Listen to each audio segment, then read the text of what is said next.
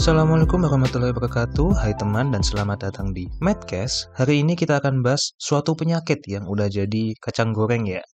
Hari-hari banget gitu kita sering ketemu yaitu penyakit hipertensi Pembahasan hipertensi ini bakal make dasar dari guideline terbaru tentang hipertensi yang ada di AHA atau American Heart Association yaitu itu International Society of Hypertension 2020. Kita bakal bahas mulai cara mengukur tekanan darah yang benar, kapan mendiagnosis, serta bagaimana manajemen hipertensi. Yuk, Oke, jadi menurut ISA 2020, hipertensi didefinisikan sebagai tekanan darah lebih dari sama dengan 140 untuk sistolik dan atau 90 untuk diastolik. Jadi nggak harus sistolik dan diastoliknya terpenuhi ya, bisa salah satu aja. Dan hipertensi ini dibagi menjadi dua grade atau dua derajat, yaitu derajat 1 dengan sistolik 140 sampai 159 dan atau diastolik 90 sampai 99 serta derajat 2 yang tensinya lebih dari sama dengan 160 per 90. Dan by the way, tekanan darah nggak boleh asal diukur loh. Ada beberapa poin yang harus dipenuhi, seperti nggak boleh ngopi atau olahraga sejak 30 menit sebelum ditensi, kemudian harus rileks dulu 3-5 menit sebelum ditensi, kakinya harus datar di lantai, punggungnya harus tersangga di tempat duduk, nggak bicara, serta letak kaf yang sejajar dengan tinggi jantung. Sama, jangan lupa buat ngukur di tangan kanan dan tangan kiri, serta ambil tekanan darah yang tertinggi ya. Selengkapnya bisa teman-teman lihat di post IG Medcast kita ya. Selain tata cara pengukurannya yang harus benar, ada algoritma penegangan diagnosisnya juga loh. Jadi, buat pertama kali diagnosis, nggak boleh hanya menggunakan tekanan darah dalam satu kali kunjungan, melainkan harus 2-3 kali kunjungan dengan jarak kunjungan 1-4 minggu. Dan untuk men-screening hipotensi postural, ukur tekanan darah 1 dan 3 menit setelah berdiri pada pasien dengan keluhan yang mengarah ke arah hipotensi postural, pasien yang lansia, dan pasien dengan diabetes mellitus. Selain pengukuran, dari anamnesis sebenarnya nggak ada yang terlalu terkait, karena hipertensi primer itu biasanya asimptomatik atau tanpa gejala. Tapi, kalau ada gejala tuh bisa ngarahin ke komplikasi hipertensi atau malah hipertensi sekunder.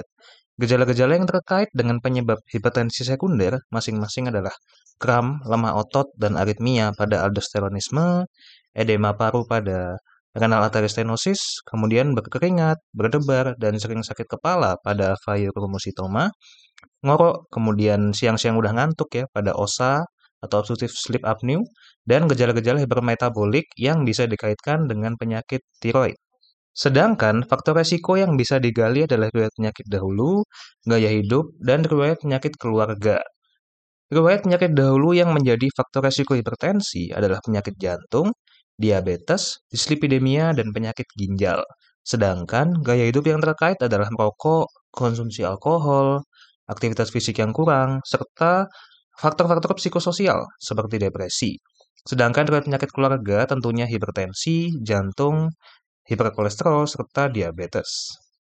Bicara tentang tata laksana dan manajemen hipertensi, kita semua pasti udah tahu lini pertamanya dong, bukan obat loh ya, tapi perubahan gaya hidup seperti mengurangi konsumsi garam, diet DASH atau dietary action to stop hypertension, kemudian mengurangi konsumsi alkohol, aktivitas fisik yang rutin, mengurangi berat badan, serta mengurangi stres.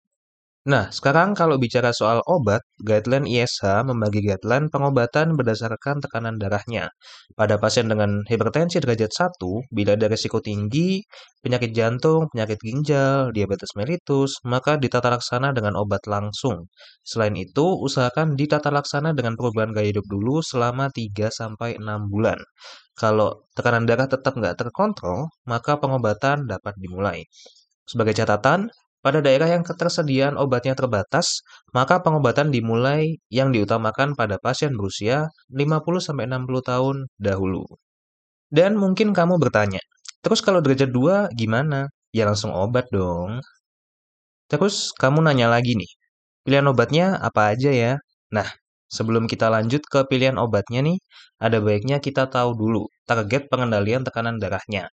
Jadi, idealnya target pengendalian tekanan darah pada pasien hipertensi itu paling nggak turun 20 pada sistolik dan 10 pada diastolik, atau baiknya sekalian optimal, kurang dari 140 per 90 dalam jangka waktu tata laksana 3 bulan. Nah, setelah tahu target itu, kita bisa terapin nih ke masing-masing step pengendalian tekanan darah. Obat yang direkomendasi ISH itu kalau bisa berbentuk SPC atau single pill combination atau satu pil isinya sekalian kombinasi beberapa obat. Kenapa? Karena dari step satu pun yang disarankan langsung kombinasi dua obat loh, dengan dosis yang rendah tapi. Pemberian satu obat atau monoterapi hanya disarankan pada pasien usia lebih dari sama dengan 80 tahun dan yang very frail atau rapuh ya. Step pertama, kombinasi dua obat dosis rendah, bisa ACE inhibitor atau ARB, plus CCB atau calcium channel blocker yang DHP atau dihidropiridin ya. Tapi pada pasien yang post-stroke, lansia, gagal jantung, atau intoleran terhadap CCB, ACE inhibitor atau ARB plus tiazid itu dapat dipertimbangkan. ACE inhibitor atau ARB plus tiazid atau CCB DHP plus tiazid itu juga dapat dipertimbangkan pada pasien berkulit hitam. Selanjutnya, kalau target nggak tercapai, bisa kita terusin dengan kombinasi yang sama, tapi full dose. Di step ini, catatannya tetap sama. Monoterapi dapat dipakai pada pasien usia lebih dari sama dengan 80 tahun dan frail. S inhibitor atau ARB plus tiazid bisa dipertimbangkan pada pasien post-stroke, lansia, gagal jantung, dan intoleransi terhadap CCB. Nah, kalau target nggak tercapai lagi, kita lanjutin tapi yang lebih ekstrim nih. Kita pakai tiga obat yaitu ACE inhibitor atau ARB, CCB yang NDHP atau non-dihydropiridin plus tiazid. Dan kalau masih nggak tercapai lagi setelah tiga bulan, maka bisa kita sebut dengan hipertensi resisten. Dan selain tiga obat tadi, kita tambahin spironolakton. Tapi pastikan GFR-nya baik dulu ya dan kaliumnya normal karena spironolakton ini kan uh, diuretik yang potassium sparing atau sparing kalium ya. Dan sebenarnya spironolakton ini juga bisa diganti sih dengan amiloride, doxazosin, clonidine, dan beta blocker kalau ada kontraindikasi tadi. Yap, gitu aja teman-teman untuk episode Medcast kali ini. Semoga manfaat buat teman-teman semua. Assalamualaikum warahmatullahi wabarakatuh and see you on the next episode of Medcast.